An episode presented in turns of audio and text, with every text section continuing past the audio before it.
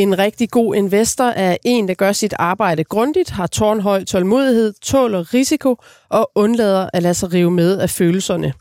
Det er en, der har en strategi og følger den, men genbesøger den, hvis strategien viser sprækker. Og så er en god investor en, der tør udfordre sine egne holdninger og syn på verden for at skabe et bedre afkast end markedets historiske gennemsnit. Eller hvad, Simon Kirketab? Du er investorredaktør på Dagbladet Børsen. Ja.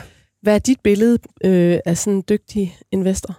Jamen ved du hvad, det stemmer jo næsten fuldstændig overens med det, du siger der. Okay, det er godt. Det handler jo om at være, være tro mod sig selv i sin tilgang til investeringerne, men også være klar til at ændre, når man kan se, at der ikke er noget, der virker. Og så handler det jo om tålmodighed.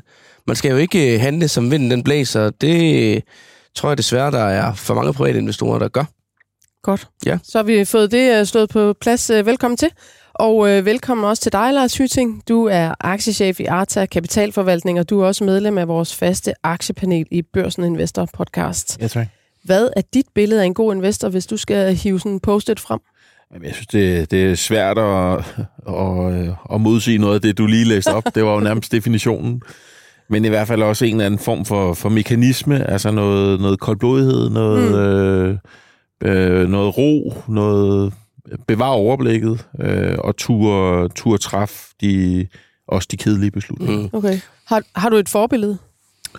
Jamen, jeg tror, at alle kigger mod øh, Warren Buffett. Øh, øh, I hvert fald øh, i den investorskole, jeg har gået i. Mm. Og så er der jo det der med, at man ikke skal lade sig rive med af, hvad der, hvad der sådan hypes på markedet. Men en god investor er jo også en, der kan analysere sig frem til nogle af de store strømninger, der sker, de store temaer, og komme med på dem, inden at værdierne for alvor stiger. Mm. Altså, vi, under corona var der jo eksempelvis hele det her kæmpe boom i i fragtrater og øh, rædderier og shipping. Vi har også sådan noget som Torm og øh, de her fragtrater, der er på, øh, på, på tankmarkedet i øjeblikket. Det har været en fantastisk trend at komme med på. Eller de her Magnificent 7, der har kørt ekstremt stærkt i år på grund af hele den her AI-bølge. Så hvis man formår at læse de der store skub, der kommer i markedet, og komme med på det rigtige tidspunkt, og ikke når toget er kørt, mm. det er også noget, der kendetegner en god investor. Ja, helt sikkert. Øhm, og så vil jeg også gerne tilføje noget til mit billede af en god investor, og det er en, der er nysgerrig og søger inspiration, men det har vi måske mere eller mindre dækket af. Og det er lige netop det, du gør, øh, Ole Søberg. Velkommen. Tak skal du have. Og du er jo investor og redaktør, eller undskyld, ikke redaktør, direktør. Jeg var lige ved at tro, du har overtaget mit job, Ole. direktør i Nordic Investment Partners, og, og så er du som Lars Hyting også med i vores aktiepanel, der plukker aktier til vores portefølje.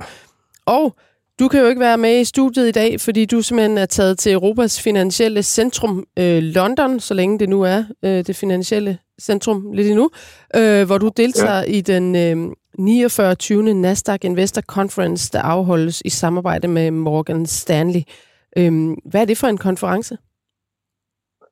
Det er faktisk præcis, som du sagde. Det er Nasdaq-selskaberne i øh, børsnoteret i USA, som er i London over to dage, og så kører der to spor øhm, fra morgen til aften, eller i hvert fald sent på eftermiddagen, hvor der hele tiden er selskaber, der præsenterer sig selv plus en, en øh, ikke med præsentation og slides og sådan noget, men mere sådan en dialog med Morgan Stanley-analytikeren. Og der får man faktisk nogle, de stiller nogle gode spørgsmål, og der bliver svaret på en måde, så både øh, selskaber, man ikke har hørt om før, eller ikke har sådan en stor kendskab til, og selskaber, man er dybt inde i, der får man faktisk lidt ekstra information med hjem. Okay. Så det, øh, det stimulerer min nysgerrighed på det felt.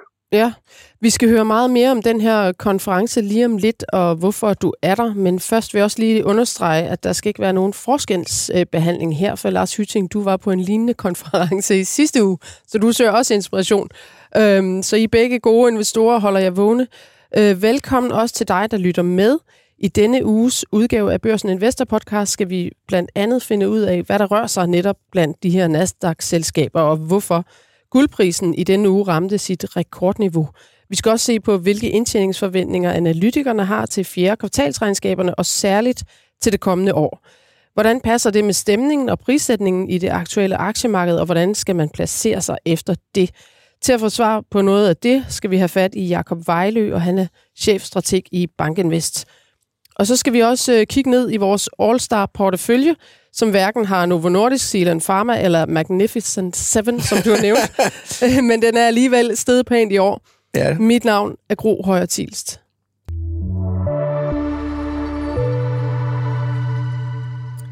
Og Ole, nu fik du fortalt lidt om konferencen, øh, men øh, hvor vigtigt er det for dig som investor at møde selskaberne, altså på sådan en konference, som, altså, som du ikke kan få på generalforsamlingerne? Ja, det vil være, altså, for, det vil være ret besværligt at tage rundt til generalforsamling til alle de her selskaber, så det er en ret effektiv måde at få set øh, mange selskaber på en kort periode. Og så kan du sige, at det er sådan lidt øh, en lille smule kønsløst, fordi det foregår på et hotel. Øh, jeg foretrækker faktisk at være ude og besøge selskaberne på deres hjemmebane. Mm. Men som generalsamling, så er det jo ret besværligt at gøre det i virkeligheden. Så det er sådan en god måde til at få, få gennemgået en hel masse selskaber. Og i og med, du kunne, man kunne sige, man kunne gøre det på et YouTube-kanal og sidde og kigge dem, men der bliver koncentrationen ikke helt det samme. Så jeg synes, det er en god måde at gøre det på, at man ligesom sidder bænket, for at sige det som det er, og så øh, er man koncentreret om et selskab ad gangen. Mm. Og det er, jeg, jeg kan godt lide formatet. Jeg og det, det som egentlig var min øh, egen opgave, jeg havde stillet mig, det var at sige, hvordan er selskaberne positioneret til 2024? Dels med henblik på execution, hvad fokuserer de på der? Og hvordan kommer AI til at påvirke deres forretningsmodeller? Nu var det jo, det er jo Nasdaq-selskaber, så der var rigtig meget omkring øh, AI. Øhm, og der fik jeg nogle forskellige indspil, som egentlig, jeg ved ikke rigtigt, det er svært at investere og sige, at det her det er en konklusion, der er positiv eller negativ. Så det er mere sådan en informationssamling, og så skal den bearbejdes efterfølgende for at konkludere derfra. Ja, men det er jo meget godt, at du netop har et mål, altså så du går målrettet, for ellers bliver det netop en, bare sådan et stort tasselbord, hvor man ikke rigtig ved, hvad man skal gøre med det hele. Øh, men det er vel meget godt at have et mål for sådan en konference, som du har to her, som du siger. Altså, hvad, ja, hvad har du indtil videre fået, øh, fået øh, af brugbar viden på det område? Altså helt overordnet, uden at egentlig at køre noget selskab i, i frem på den her måde, det er, at øh, de her management teams, det er typisk CEO og CFO, der, eller CFO, der fortæller, øh, det handler meget om eksekvering. Det bruger de altså rigtig, rigtig meget tid på lige for øjeblikket. Og hvis man tænker et almindeligt selskab, så har de jo her i november lige bevæget sig igennem øh, planerne for 2024. Så et eller andet sted, så tror jeg, de går rundt med det inde på deres hoveder. Fordi mm. det første hende, når vi kommer hen i foråret, at der er de her bestyrelsesseminarer, altså noget, hvor ledelsen skal fremlægge nye strategiplaner, eller justeringer af strategierne, øh, hvis det er behov for det. Så, så når man møder selskaberne på en anden tid af året, så er det ikke helt så meget execution, som det er lige nu her. Men øh, på det spørgsmål, så det, det er der altså øh, meget fokus på, og det er specielt på de selskaber, som føler, at de har lidt for meget øh, gæld. Der er det øh, øh forbedret cashflow, og så få reduceret gælden på grund af de høje renter. Det er sådan en gennemgående Ja, det er det tema, der har kørt øh, også igennem i år, ikke? Kan jo. man sige. Det er virkelig, er nogen, virkelig der, væsentligt.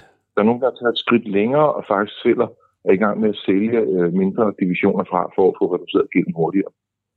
Så, så det, det er ret tydeligt, at den her højere rente, den betyder, at selskaberne har travlt med at få reduceret gæld, i hvert fald dem, der har gæld. Okay. Når man tager det på, på AI-området, som er mit andet nysgerrighedsområde, der er Øh, jeg var på øh, en nordisk seminar i sidste uge med nordiske selskaber. Der fyldte AI faktisk ikke noget særligt. Der er ikke i sådan den ordnede dialog her. Med tech-aktierne fra USA, så fylder det noget mere. Og det, som har overrasket mig, det er, at de ser det egentlig ikke som, at de siger, at datamængderne efterhånden er så kæmpemæssige, så det er simpelthen umuligt for, for mennesker at få sorteret det her data og få lavet om til noget øh, brugbart. Så derfor er AI det, der er vejen frem på at få sorteret alt det her data og få lavet nye ting. Og det der, der er et selskab, som hedder Cadence, som jeg lyttede på i går, deres fokus er, de laver, de designer computerchips. Og de siger, at det er 25 år siden, at man gjorde det manuelt. Det er blevet bedre og bedre, og nu er det rent AI-drevet, hvordan man skal øh, designe de her chips, hvor der er millioner af bits øh, transistorer, som, øh, man får det hele til at bimle og bamle inde på chippen. Er det, du kunne overveje at investere i så? Fordi det handler vel også om at få nogle investeringsidéer med hjem? Ja, jeg synes faktisk, den cadence, den så interessant ud. Der er lige sådan en disclaimer. Jeg hjælper jo Coeli Global, mm. og de har øh, aktier i Cadence. Øhm, så, så øh, den så faktisk ret interessant ud, synes jeg. Men hvis man kigger på den øh, nordiske side, i sidste uge, så mødte jeg også med Nordic Semiconductor, et norsk øh, semidoktorfirma, som har faktisk, øh, jeg ved ikke om de har patentet, men de har i hvert fald det, der gør, at Bluetooth fungerer på rigtig mange maskiner. Og den, de, den teknologi med Bluetooth, den er de ved at putte ud på øh, en ny chip-platform, som kan bruges på Internet of Things, hvor du har for eksempel en møtrik, der skal strammes lidt en gang imellem, som sidder med en lille chipsender og meget, meget lille batteri, øh, som så sender besked, hvis møtrikken trænger at blive strammet op, eller en lyspære skal skiftes, eller sådan et eller andet, hvor du faktisk får det hele til at arbejde sammen, således du kan effektivt øh, øh, køre din serviceforretning, eller hvad man nu har gjort. Så der, der er faktisk også en virksomhed, som ser ret interessant ud der. Hvad hedder den? Den har jeg ikke nogen... Nordic, Semi. Semi. Nordic Semi, ja. Men Ole, må jeg men hvis vi prøver at sådan lidt at kigge på det her integration af AI i forretningsmodellerne, så er det jo, øh, som du selv siger, nok ret, øh, hvad skal man sige, indlysende, at det er tech-selskaberne, og måske også kommunikationsservice-selskaberne, der øh, meget har fokus på AI lige nu. Men hvis man kigger på sådan sektormæssigt, altså er der så nogle sektorer, der vil først få gavn af den her integration, eller øh, størst effekt? Altså hvis man netop skal sådan grave lidt dybere i den her øh, tendens, netop som Simon lagde ud med at sige, altså at se de her strømninger før alle andre. Jeg ved godt, Ja, det er det er selvfølgelig super noget, alle spørgsmål. også tænker over nu. Men øh, Men det, det, det er et super godt spørgsmål, fordi hvis du kunne... Øh, en virksomhed, lad os sige, du har, du tager et eller andet helt øh, blankt eksempel. En virksomhed har en, en driftsmargen på cirka 10 procent over tid, øh, og de har så 90 procent udgifter i forhold til omsætning. Så de 90 procent der, der må være en del af det, som er sortering og så videre af data. Og hvis du tager øh, for eksempel SAS, bare tager et lille flyselskab, ikke? Vi behøver ikke have et specifikt selskab, men hvis du tager et flyselskab, så uden at jeg ved det, jeg vil gætte på, at de har sindssygt mange datapunkter, Mm. som de skal håndtere, og et eller andet sted, så skal det i slutningen af året, så, eller når i starten af det nye år, så kommer der revision ind over, som skal sige, hvordan ser regnskabet ud, og du har pengestrømme, du har øh, alle mulige data på flybilletter osv. Et eller andet sted, så sådan en virksomhed, hvis de kan bruge AI på en måde, således de optimerer, øh, om, eller de får lave omkostninger til hele deres dataflow, men måske også får øh, ved hjælp af AI får deres øh, flyruter til at køre på en lidt mere effektiv måde og fylde flyene op på en mere effektiv måde, så har du noget, hvor du kan løfte indtjeningsmagen fra måske, nu siger jeg det bare 10 hen til 12. mm, Og det er jo, det er jo 20 procent indtjeningsfremgang, og det er jo virkelig en produktivitetsfremgang. Men jeg kan ikke, jeg vil sige, det er så tåget hele det her område for mig på nuværende tidspunkt, så det er svært at sige, hvem der vinder det her. Men hvis vi får en produktivitetsfremgang på baggrund af AI, så sidste gang, hvor vi havde øh, en produktivitetsfremgang, der havde vi kæmpe bullmarked, og det var i 90'erne, Ja. hvor øh, der, der var et amerikansk firma, der hed Kelly Services, som er sådan et øh, vikarbyrå. Jeg tror slet ikke, de findes mere. Fordi de vikarerne, som typisk sad og skrev skrivemaskinen, de blev udskiftet med PC'er og Word-programmer osv. Ikke? Øh, det gav faktisk en produktivitetsfremgang på 3% om året i en årrække i 90'erne. Og det var anledning til, at man måske blev lidt for optimistisk hen i slutningen af 90'erne og starten af 2000 på IT, som på det tidspunkt handlede til fuldstændig vanvittige multipler. Men det var jo rigtigt nok at se det her. Så spørgsmålet er, om de her AI-aktier, som på nuværende ligger med nogle øh, usædvanligt høje multipler, om de er ved at tage forskud på glæderne lidt for hurtigt, eller om vi begynder inden for ganske få år at se produktivitetsforbedringer, som kommer på baggrund af AI. Ole, Ja. De gør det. det er spændende. Ole, er det- er det så nogle af de helt store selskaber, øh, du tænker på der, Nvidia, øh, øh, Microsoft og den slags, eller hvad? Eller er det længere nede i, Ja. i laget af De aktier? vil levere infrastrukturen. Det, de bliver infrastrukturleverandører. Ikke? Ja. Dem, som kommer til at glæde af det. Altså, du kan sige, dengang hvor Dell og IBM solgte computere, så var det jo faktisk øh, banker og øh, sådan mandskabstunge ting, hvor du virkelig havde mange, der sad og skrev, som havde fordelen af det. Ja. Bankerne havde en, øh, en øh, produktivitetsfremgang i 90'erne.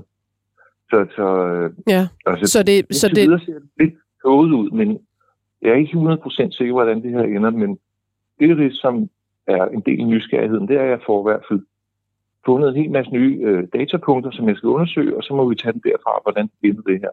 mm, Og jeg har et område, det vil jeg ikke lige, det, det bliver en for lang historie, som jeg tror kan blive super interessant inden for det her område, men det kan vi tage på et senere tidspunkt. så man skal altså prøve at finde ud af, hvem har en masse data, som de overhovedet ikke kan sortere, altså øh, uden øh, hjælp af AI, og hvor det kan den her hjælp fra AI, hvordan det kan ligesom forbedre deres, øh, øh, hvad hedder det, produktiv- produktivitet og en bedre indtjening. Altså, så man skal prøve at kigge, kigge det på den måde, og ikke bare løbe ja. ind i de oplagte Nvidia. Det skal man måske også, men, men kigge laget under.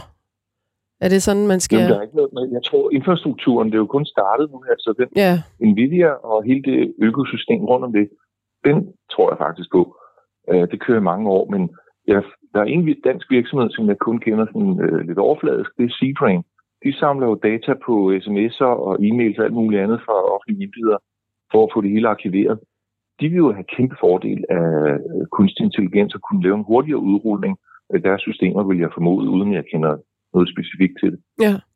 Jeg, jeg så bare lige en sjov øh, nyhed her i dag, øh, hvor øh, det her finansielle analysehus øh, Factset, de havde lavet sådan en øh, sammentælling af, hvor mange gange AI bliver nævnt på de her earnings call i øh, tredje øh, kvartal, eller i forbindelse med tredje kvartal sammen, øh, regnskaberne.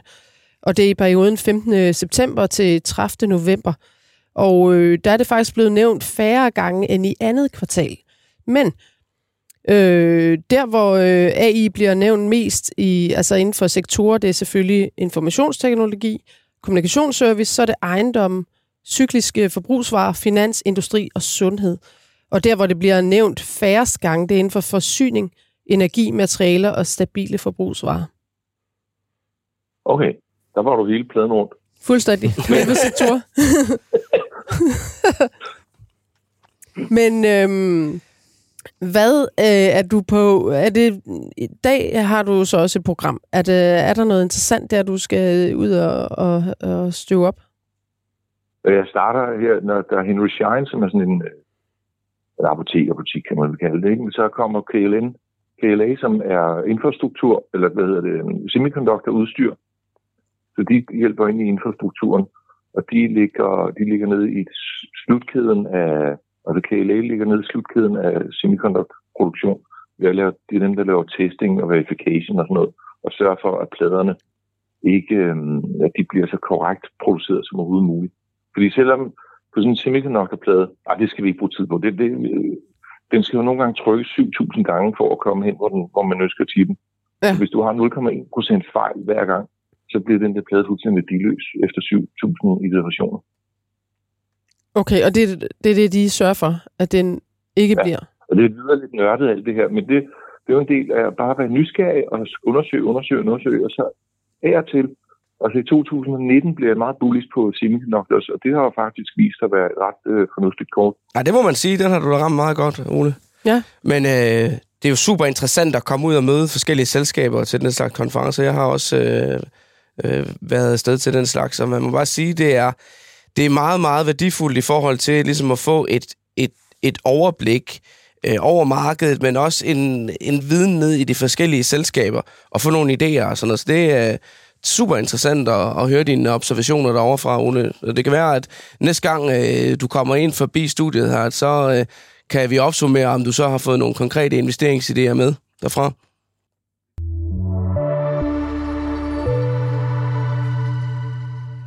I slutningen af oktober fik jeg dig, Ole, til at foretage et øh, hurtigt tjek af den svejsiske øh, medicinalaktie Roche, og det øh, gjorde du, fordi aktien var blevet udråbt til at være den nye Eli Lilly af en, succesfuld, eller en succesfuld øh, britisk porteføljemanager. Han hedder Peter Rutter og har tilsyneladende, tilsyneladende opnået 1000% i afkast på sin investering i Eli Lilly. Øh, og han ser nu de samme karakteristika i Roche, som han dengang så i Eli Lilly.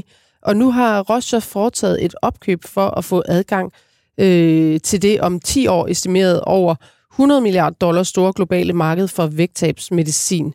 Og det er et marked, som Novo Nordisk øh, deler med Eli Lilly. Øh, ja, og det gør de jo mere eller mindre øh, alene.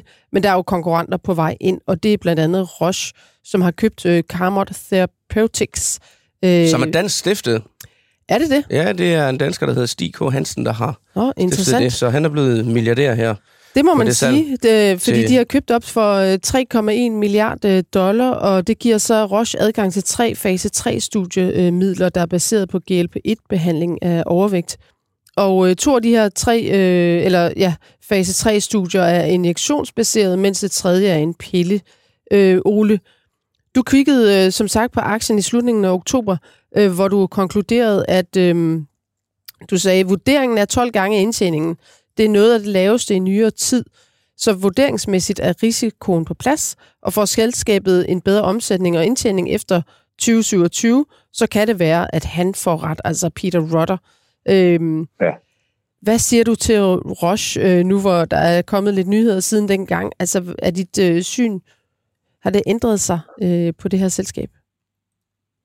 Nej, det har det ikke, men øh, jeg- jeg kan tilføje, at jeg havde lejlighed til at møde selskabet for nylig i København, ja. og øh, jeg kan ikke huske, om det var samme dag eller dagen efter, så var der et af deres øh, produktforsøg, som øh, ikke fungerede, og aktien den faldt så en smule øh, på det.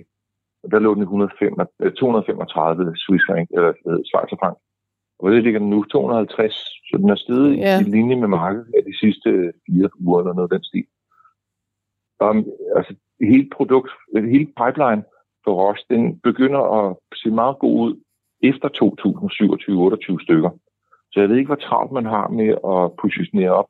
Men hvis du tager og sammenligner med ham, Peter Rotter, når, man gik, når han købte ind i Eli Lilly, lad os sige, han gjorde det for 10 år siden, der handlede også aktien med en PE på 12 gange eller 15 gange, noget af den stil. Det var i hvert fald ikke specielt dyrt vurderet. Og så har de så fået leveret på, specielt inden for obesity, og det har jo så medført den her kæmpe kursstigning i både, øh, i både øhm, i La Lilly og i Novo Nordisk. Jeg tror, Roche er stadigvæk et par år ude, så hvis man skal sammenligne det, det, det her opkøb af obesity, det ændrer ikke Roche fra den ene dag til den anden. Men det skaber selvfølgelig en, en endnu bredere øh, farmaportfølje hen i 2030-35 stykker, som øh, ikke er særlig godt reflekteret i den nuværende vurdering. Men det forudsætter altså, at produkterne bliver til noget, skaber omsætning og indtjening. Og det ved man jo aldrig helt med Nej. 100% sikkerhed på pharma. Så derfor Nej. så er det... Jeg, øh, nu er jeg begyndt at få deres meddelelser igen. Det er af en eller anden grund, hvor jeg har ud af deres meddelelsesliste. Men du sidder bare og følger med i selskabet. Det kan godt være på et tidspunkt, at jeg bliver aktionær. Men det er ikke sådan noget, hvor jeg har travlt. Jeg, man kan sagtens sidde og vente flere år på den her, for at se, hvornår begynder der at, hvornår begynder timingen at være så bedst og så god som overhovedet muligt. Men jeg synes jo, det her opkøb, det falder jo ret godt i tråd øh, Øh, den snak, vi havde her i podcasten i sidste uge, omkring de her mulige opkøb, der kunne komme inden for fedme. Og der er jo nok ved at være sådan lidt uh, FOMO, altså fear of missing out, uh, blandt de helt store medicinalgiganter ude i verden i forhold til at komme med på den her bølge af fedmemedicin. Man kan se, at der nu er øh, et par selskaber, der er ved at have succes med.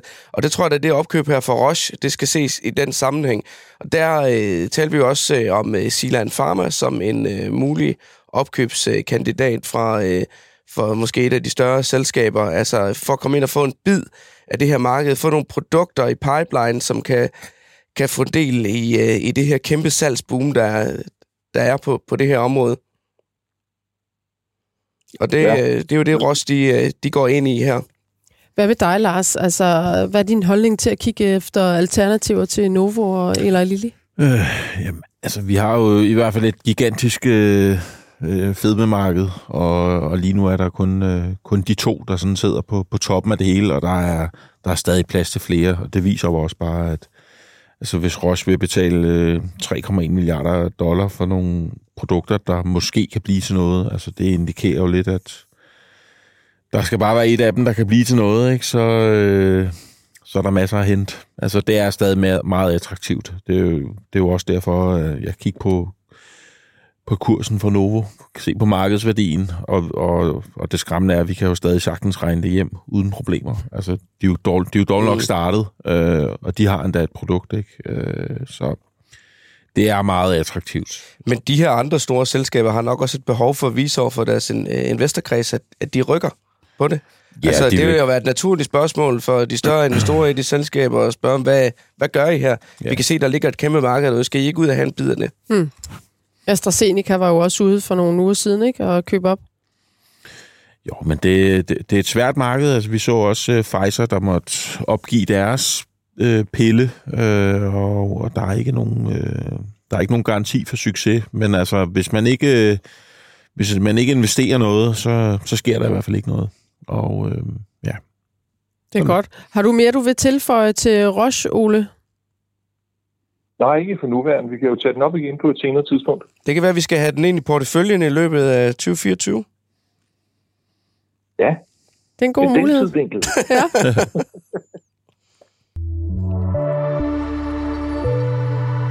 Og nu kom du med stikordet, øh, Simon. Vi skal faktisk øh, allerede nu tale vores øh, All-Star-portefølje. Jamen, inden sikkert vi... en timing fra min ja, side, så. fuldstændig, inden vi slipper dig, Ole. Og det er jo en portefølje, der balanceres ned eller op til 600.000 kroner hvert år, og pengene er stillet til rådighed af Saxo Bank. Og hvis vi får et overskud i år, så skal det jo gå til et velgørende formål. Øh, sidste år, der måtte vi jo balancere op, så der var ingen penge, vi kunne dele ud. Men øh, hvordan ser det ud, øh, Simon? Ja, sidste år tabte vi jo 24.000, så den sviver stadigvæk lidt, men i år ser det godt ud. Vi øh, ligger faktisk med et overskud på øh, over 100.000 øh, dags dato. 701.690 kroner er værdien af porteføljen på øh, lige nu. Og øh, Ole, øh, mens vi har dig med i røret her stadigvæk, så vil jeg jo bare øh, lige anerkende dig for, øh, for dine evner til at trade i øh, Hexagon øh, Composites-aktien. For den har du været ind og ud af en del gange nu, og vi samlede den jo op øh, her for et par måneder siden igen. Og ved du hvad, nu har du simpelthen igen lavet afkast på den. 4,4 procent er vi oppe nu. Så øh, alt, alt i alt, Til samlet set. alt i alt, øh, samlet set, øh, der har vi på Hexagon lavet et afkast på 38.000 i år. Så det fylder, ret, det fylder ret godt op i, øh, i det der afkast på 100.000, så øh, godt gået. Og så er det næste spørgsmål, så hvad skal vi så snart ud af den igen? Ja, jeg tror, vi skal lade den vente året ud, og så kan vi jo tage stilling til det henne i starten af den nye. Og du har jo så også valgt Alibaba til porteføljen, og det er jo så til gengæld en af dem, der, der sviger lidt. Og i forrige uge, tror jeg det var, der forsøgte jeg ligesom på at udlægge øh, teksten af, hvad du, øh, sådan, hvordan du så på, på det seneste regnskab. Nu har vi det så selv med her, så skal vi ikke næsten have det fra hestens egen muligheder. Hvad, øh, hvad skal vi gøre med den? Den er nede med 25 procent, siden øh, vi købte den. Altså siden vi købte den, så grunden til, vi gik ind, var, at øh, de ville øh, adskille eller skille sig ud af de fem divisioner, som ikke var online-handel i Kina. Og den plan, den gik så øh, startet op, og den blev så aflyst sammen med tredje kvartalsrapporten, fordi man mente, det ville være mere være internt i selskabet. Og den var der en del investorer, der havde stukket snuden op efter, så man valgte at sende aktien ned. Men vil at mærke til et niveau, der lå markant under det niveau fra på det tidspunkt, lige før det blev offentliggjort, de ville skille de her fem divisioner fra. Så jeg tænkte, det er egentlig interessant. Hvis du kigger på selve forretningen, så viste den jo øh, god fremgang. Det mener du sagde i det her program for nylig, Ja. Simon. Yes. Øhm, og det kommer indværende kvartal også til at vise. Og vurderingen er, jeg tror, vi er nede på en PE på en, øh, ni stykker eller sådan noget Det efterhånden. lyder billigt jo. Så vurderingen forandrer ikke noget. Og her til morgen, så læste jeg, jeg ved ikke om det bliver sådan, men det var i hvert fald en, der mener, at ved den her tid sidste år, så var Meta en af de mest udbumpede aktier på det amerikanske marked, og den endte med at tredoble i indværende år. Og så laver han en parallel til det samme ved at ske for Alibaba, fordi når Kina begynder at stimulere økonomien, så burde det gå bedre. Plus du har lederskabet i øh, Alibaba, er dem øh, grundlæggerne, bortset fra Jack Ma, men de er flere, der er flere grundlæggere på det tidspunkt, de har faktisk sat sig ved roret nu her, og så taget en, en ansat direktør, som kom fra cloudbutikken og satte ham tilbage til cloudbutikken. Så du har haft en ny øh, leadership her de sidste to-tre måneder. De skal nok komme op med et eller andet. Fordi Okay. har altså skinnet igen, der ved noget. Så vi sidder på hænderne og gør ikke noget med den heller. Nej, ikke for nu. Hvad med dig, Hytting Alibaba? Er det noget, der ligger ude i porteføljen ude i Arta? Nej, det er det ikke. Ja, det kan jeg overhovedet ikke gennemskue det der. Så det, altså, jeg investerer ikke i noget, jeg ikke kan forstå, og det der, det forstår jeg ikke. Jeg, og jeg ved slet ikke, hvor jeg skal starte, hvis jeg skulle, værdi, hvis jeg skulle værdiansætte øh, den virksomhed. Det, det bliver et pænt Jeg nej, tak. Hvad for noget? Jeg kan sende sliden til dig. Ja, det må du gøre, Ole. Så starter vi på side 1. Nå, men øh, Lars, jeg faldt faktisk over en artikel hos øh, et øh, konkurrerende medie her i går, som jeg synes var meget interessant. Øh, der har overskriften Aktiechef hos Milliardforvalter fremhæver tre aktier til 2024. Citat, den er vanvittigt billig på det her niveau. Og det er jo dig, der er aktiechefen, der medvirker i den artikel hos øh, uh, Euroinvestor. Og jeg kunne jo med tilfredshed konstatere, at uh, to af de aktier, du nævner, det er nogle af dem, uh, du også har valgt til uh, porteføljen her i uh, podcasten. GN Store Nord og ISS. Ja. Og jeg skal da love for, at øh, der er momentum i begge aktier i øjeblikket. ISS er op med 25 procent øh, her over den seneste måneds tid. GN er op med 44 procent siden oktober. Så øh, de løber stærkt for tiden. Og den sidste, det er så øh, Netcompany. Kan vi ikke lige øh, få en rundtur i de aktier der? Øh? Det kan vi sagtens. Altså, øh, da jeg var herinde sidst, der, var, der så det jo lidt mere, øh, lidt mere trist ud for, Ja. for både ISS og GN. Øh, og, og som jeg også gjorde, gjorde opmærksom på, så, så har jeg jo bare siddet tilbage og ikke rigtig forstået, hvad det var, der foregik. Øh, det er jo ikke fordi, der var noget i, i, i de underliggende forretninger, som skulle, skulle retfærdiggøre, at, at, øh, at medfarten skulle være så hård, som, som den nu har været.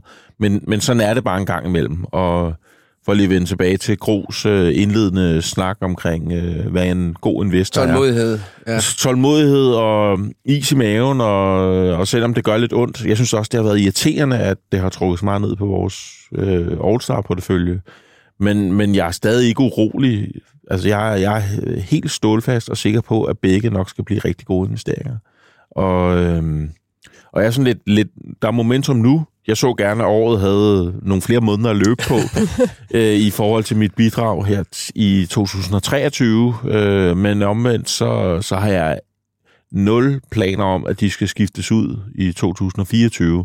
Så de får sådan set bare lov at rulle videre. Så må der være mere, mere i vente. Altså øh, begge virksomheder... Øh, time is our friend. Altså, vi, vi går mod bedre tider. Ja. GN var nede og vende i kurs 111.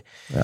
Og du havde jo sådan super øh, timing der, da vi købte den øh, sidste år øh, på kurs 127, hvor Ja. aktien jo var dykket voldsomt, og så, så reboundede den ret kraftigt, og så kom der alt det her ballade omkring deres kapitalsituation, og øh, det stod ligesom også klart for investorerne, at frasalg, det, øh, at den ene af divisionerne heller ikke kom banen, og så kom den virkelig under pres. Og nu, nu er det lidt ligesom om, markedet har accepteret situationen, eller hvad skal man sige, taget, den, taget aktien til sig igen, og nu ligger den så i kurs 164, hvilket så betyder, at GN Store med den tur, den har taget i år, faktisk ligger lige omkring øh, et nulafkast i porteføljen i år. Ja, ja det har været lidt tumultarisk i, i begge retninger, men, øh, men altså markedet har haft mistet noget tillid. Øh, man har også øh, skiftet ledelse og bestyrelse og vælger at sammensmelte nogle divisioner, og der har ligesom skulle øh, komme et bevis på, at det virker. Altså, ja. Har de styr på det? Øh, og, og ja, de har styr på det. Det kommer bare til at tage noget tid. Og det samme ISS, ny CEO, øh, hvad vil han? Altså, og midt i det hele frasalg af Frankrig og nedskrivninger. Mm. Altså, det er lidt det samme. Ja, vi kører bare videre. Og ja, Frankrig, det, det er en streg i regningen. Den sidder i baghovedet fra, fra gammel tid med konstante nedskrivninger. Ja, det var der, de sagde, nu trækker vi os, og så kom der en nedskrivning på Ja. et milliardbeløb. Øh. Det, det hører fortiden til, og det var lige sådan, åh, den sad der stadigvæk lidt i, i hukommelsen. Men, men bortset fra det, så kører øh, Fangel, altså han kører bare videre, som, som åb forlod Bixen. Der er styr på Den det. nye topchef, ja. Ny topchef. Altså, jeg, time is our friend. Vi holder fast. Hvad så med den der Netcompany? Fordi den nævner du også i den artikel der, så, så tænker man jo straks, nå, jamen, det kunne måske også være interessant for os at kigge i den. Ja, men jeg synes også, Netcompany er, er interessant. Altså, øh, øh, der har været gennem de sidste år til halvanden lidt knas på de interne linjer. Sådan, øh, der er lidt for meget, der forsvinder fra, fra toppen og ned, når vi er nede på bunden. Øh, og der har været mange forskellige forklaringer. Med, Ja, altså indtjeningen... Øh, Ja, altså med øh, sygdom, og det er svært at få ansatte, og inflation, og altså en masse forskellige øh, parametre, som, som jeg ved, der bliver arbejdet med, og som der kan forbedres og justeres på. Og det er egentlig mit, mit indtryk, at, øh, at Netcompany er på rette vej. Og så, så skal der ikke særlig meget til. Altså, det er ligesom øh, ISS og, og GN. Altså, lad nu bare lige nyhedsflowet vende en lille smule fra at være det der negative, til at det bare bliver en lille smule positivt streg, bedre end frygtet, og så, så kan det gå rigtig stærkt. Bare kig på de to andre.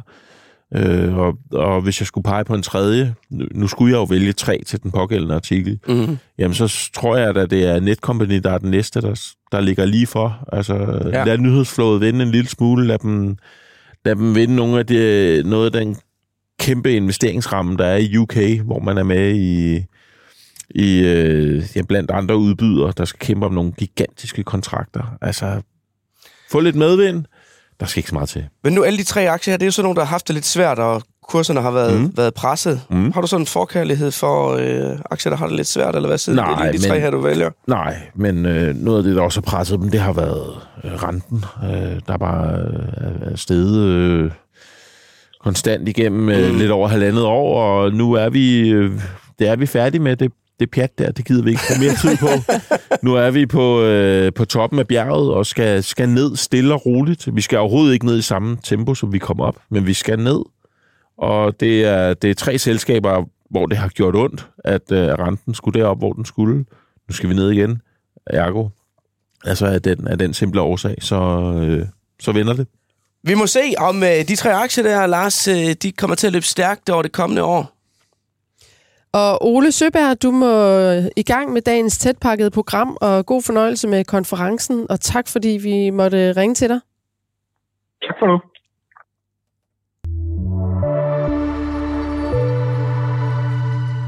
Kraftigt udsalg af amerikanske aktier, sådan begyndte 2023. Det var de store institutionelle investorer, der ifølge Bank of America valgte at undervægte de amerikanske aktier så kraftigt i januar, at placeringen i amerikanske aktier var på sit laveste niveau siden 2025. Dengang forventede de globale professionelle investorer meget af aktierne i vækstlandene, de såkaldte emerging markets. Set i bagspejlet og med under en måned tilbage af 2023, havde det nok været bedre at holde fast i de amerikanske aktier, fordi det brede amerikanske aktieindeks S&P 500 er oppe med cirka 19 procent, mens emerging markets i form af MSCI Emerging Markets kun er steget 4 procent. Jakob Vejlø, velkommen. Ja, tak skal du have. Og øh, du er chefstrateg i Bankinvest. Øh, giver det mening at sige de amerikanske aktier, eller bør man sige Magnificent Seven, som jo er Apple, der i øvrigt er, ja. er nået op i 3.000 milliarder dollar i markedsværdi igen? Øh, Øh, Alphabet, Amazon, Meta, Microsoft, Nvidia og Tesla. Fordi det er netop de syv aktier, der udgør cirka 30 procent af det her øh, brede amerikanske indeks S&P 500.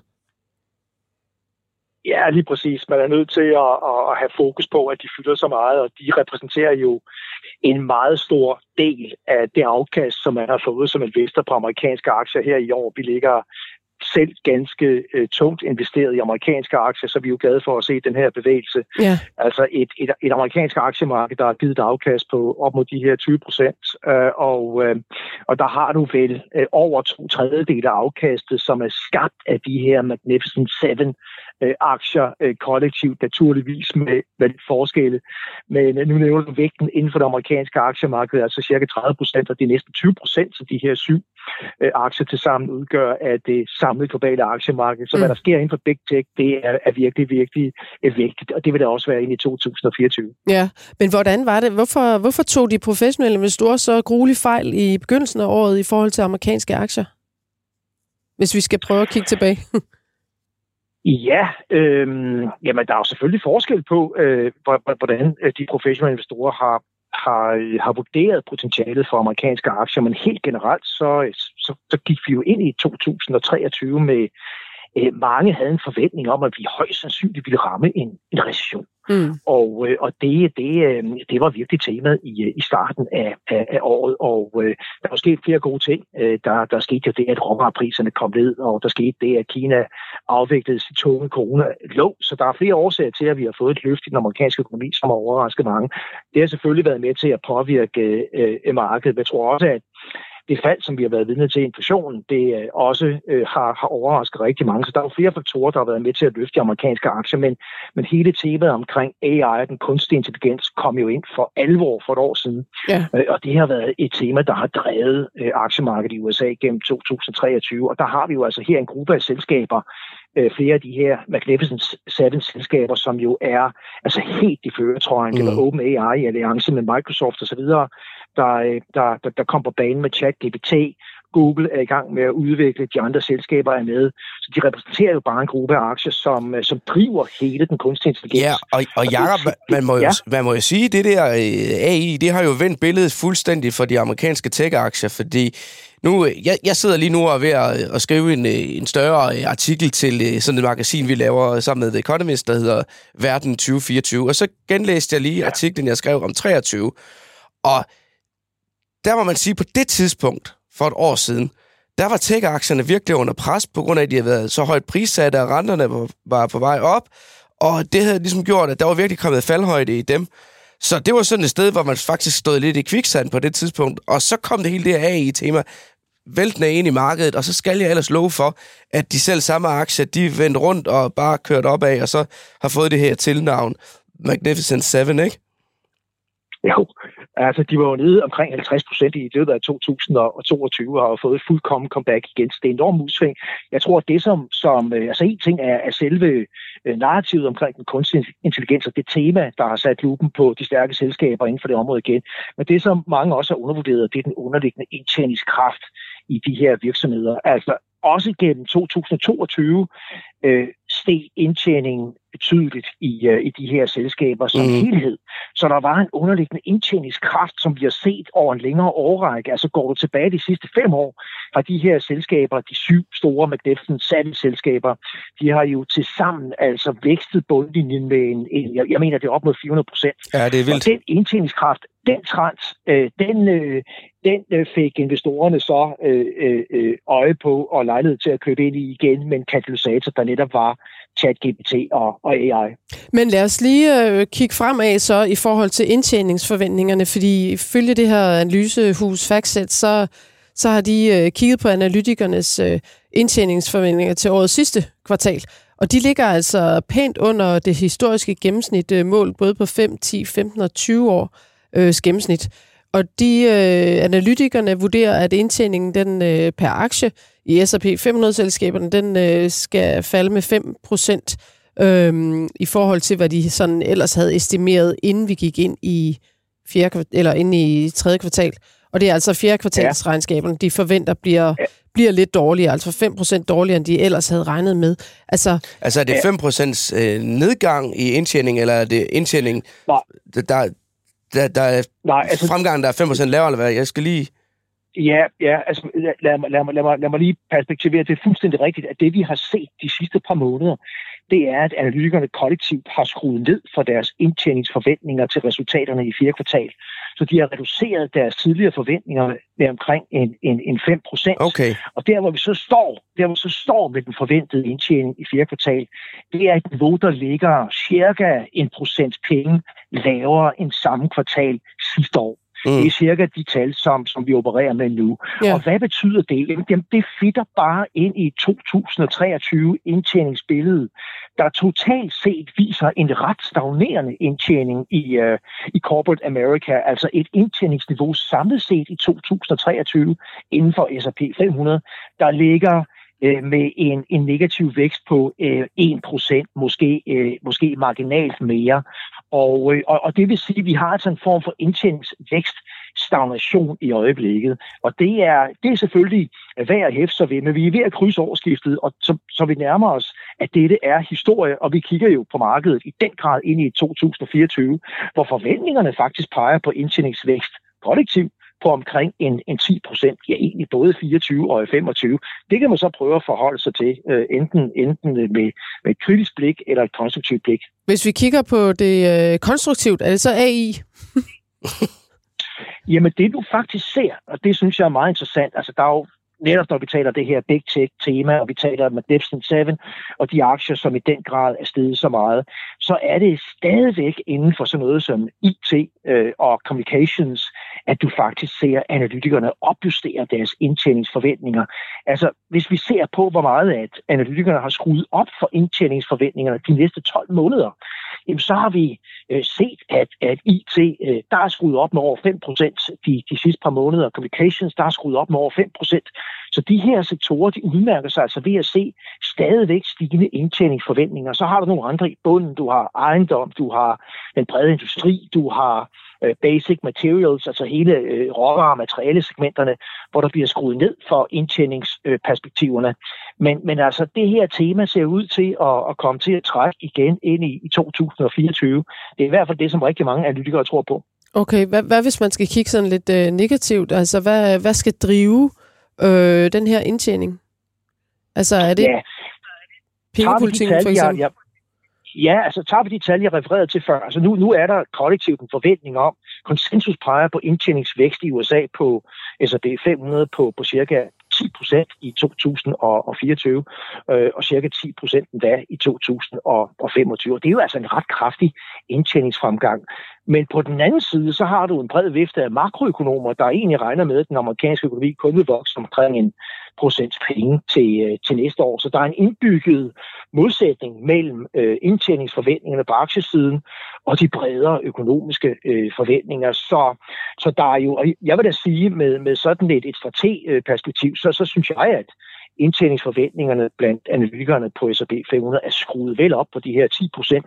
Jeg vil tro, at vi lander et sted mellem 5, 6, 7 procent til næste år øh, i, øh, i plus. Men det kan jo også gøre det. Det betyder bare, at potentiale for aktiemarkedet i bred forstand måske ikke helt så stort, som, Mm. som andre mener det. Ja, hvordan vil du positionere dig ud fra de her indtjeningsforventninger?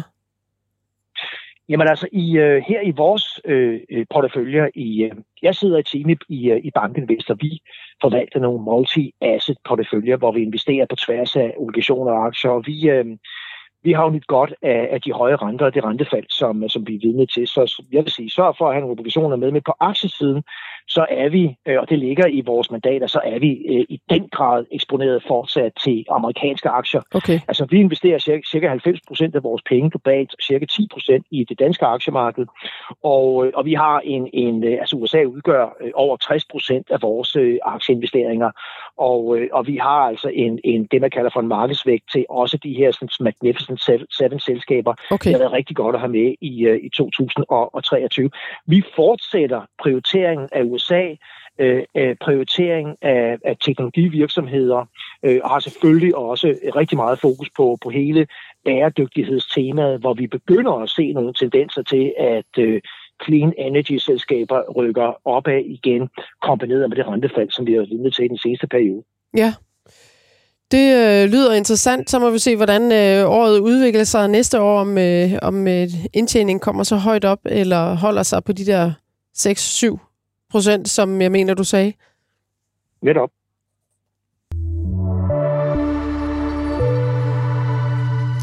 Og Jakob, vi bliver lidt i sporet, fordi øh, guldprisen den nåede en ny rekord i denne uge, og øh, prisen for en troy ounce nåede op over 2.135 øh, dollar. Øh, men den er så faldet lidt øh, tilbage siden. Og øh, guld anses jo af mange investorer som et aktiv, man kan søge ly i, når det stormer på markedet, og usikkerhed- usikkerheden rusker investorerne. Men altså, øh, er det frygten for ustabilitet på markedet, der driver prisen op øh, lige nu på guld? Vi kan lige indskyde, det er det højeste niveau nogensinde. Det er rigtigt. Det, det stemmer. Og øh, det, det, er, det er et rigtig godt spørgsmål, du stiller. Hvad er det, der driver guldprisen op? Øh, jeg, jeg vurderer på ingen måde, at det er en bred markedsbekymring, fordi så har vi ikke set, så havde vi ikke set aktiernes comeback som vi jo har set det Nej. siden de bundniveauer, vi satte i, øh, i oktober måned. Øh, Vi havde ikke set stigninger på andre typer af, af aktier, af aktiver. Så, så det vi er vidne til på, øh, på guld, på, på bitcoin, der også er steget kraftigt på, på andre områder, det er simpelthen, at de mere rentefølsomme dele af det, det finansielle univers øh, giver sig positivt på det rentefald, som vi har Mm. vidne til. Inter- interessant nok så toppede den amerikanske, det amerikanske renteniveau, hvis vi kigger for eksempel på en 10-årig amerikansk statsobligation, den var altså helt op på 5% øh, omkring øh, den, den, den 24. oktober måned, der toppede vi. Men vi har altså siden været vidne til et rentefald på, øh, på mere end 3 kvart øh, procentpoint. Vi ligger omkring 4,2 procentpoint Ja. nu. Det er Ja. et kraftigt rentefald, vi, vi har været vidne til. Det er ikke fordi renterne er lave. Øh, men, men, men tendensen er det, der trækker øh, den her type aktiver. Øh, samtidig er, er dollaren også øh, svækket, fordi rentefaldet i USA har været relativt kraftigere end for eksempel i Europa.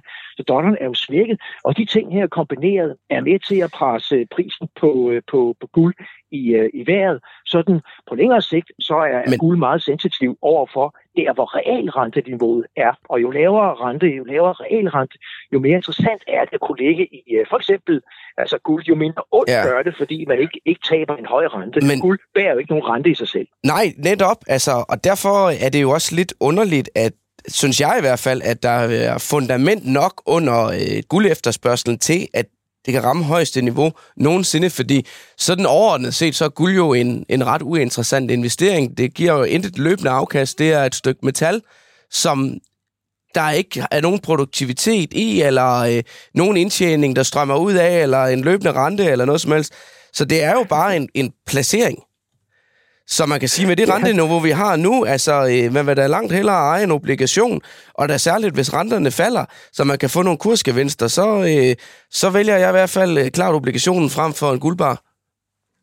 Jeg er heller ikke tilhænger af at, at, at øh, hoppe på den her guldvogn. Det, øh, det er, jeg er fuldstændig enig med dig. Så vi må se, hvor langt det her øh, fænomen kan, kan, kan trække. Det virker øh, spekulativt, det virker øh, øh kortsigtet. Guldprisen er op øh, på de her høje niveauer, men det er jo faktisk topniveauer, som vi også så tilbage, interessant nok, i 2020. Der var vi også op over 2.000 dollars øh, per uh, troy ounce. Vi var også op og ramme det her niveau i 2022, hvor der var krigs øh, tema. Desværre kører krigen øh, videre men, men markedets fokus har, har lagt sig øh, i, øh, i Ukraine. Men der var guld altså også op og top, ja. og nu ligger vi på, på de samme niveauer, så vi må se, om, øh, om bukserne kan, kan holde her. Så, men I har ikke guld i kælderen ude i Bankinvest, så? Nej, det har vi, det har vi dog ikke. Ikke mig bekendt i hvert fald. Det kan godt være, at der ligger nogle stumper rundt omkring. Men hvad med, hvis man... I, øh, i større omfang. Nej, hvad, med, hvad med jer, Høning? Øh, er det den type investeringer, er det overhovedet noget, eller placeringer, er det noget, I gør i hos jer?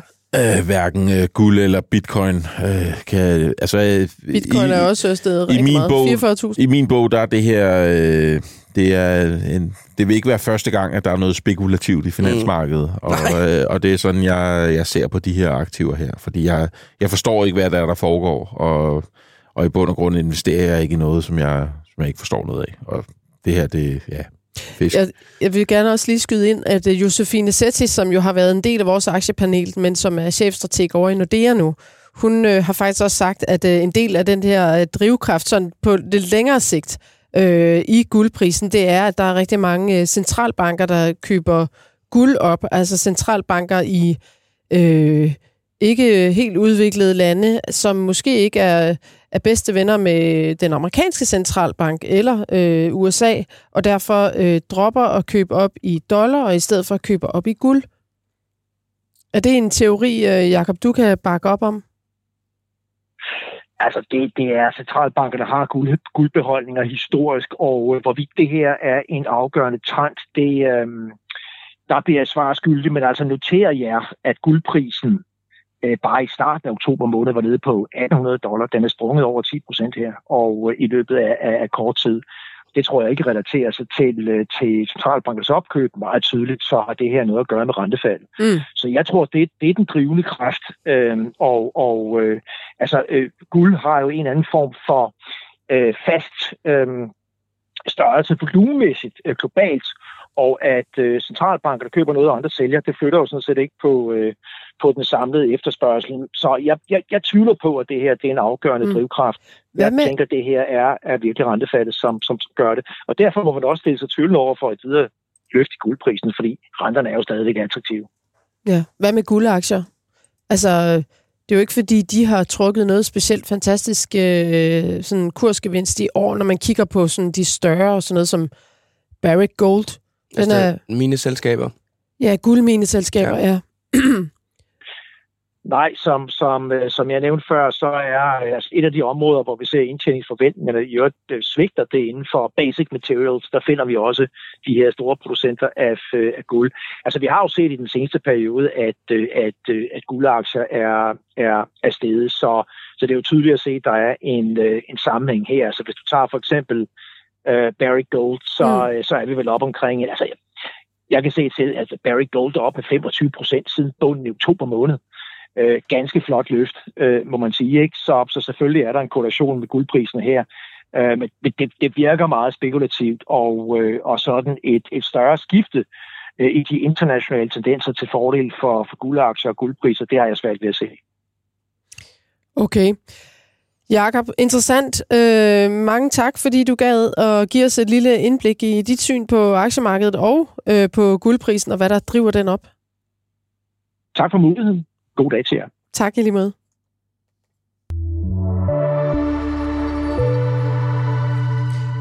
Det var alt for denne gang. Øh, til jer, der lyttede med, tak. Og husk, har I ris, ros, spørgsmål eller idéer, så tager vi altid gerne imod det. Og vi har stadig et par podcasts tilbage i 2023, så skriv derfor til investorsnabelag.borsen.dk. Og husk altid at blande inspiration og idéer fra andre med lige dele sund skepsis og egne analyser. Tak til dagens gæster på telefon og i studiet. I studiet har vi Lars Hytting, aktiechef i Arta Kapitalforvaltning, og Simon Kirketab, investorredaktør på Dagbladet Børsen. Peter Emil Witt stod for teknikken. Mit navn er Gro Højer Tilst. Tak til jer, der lyttede med.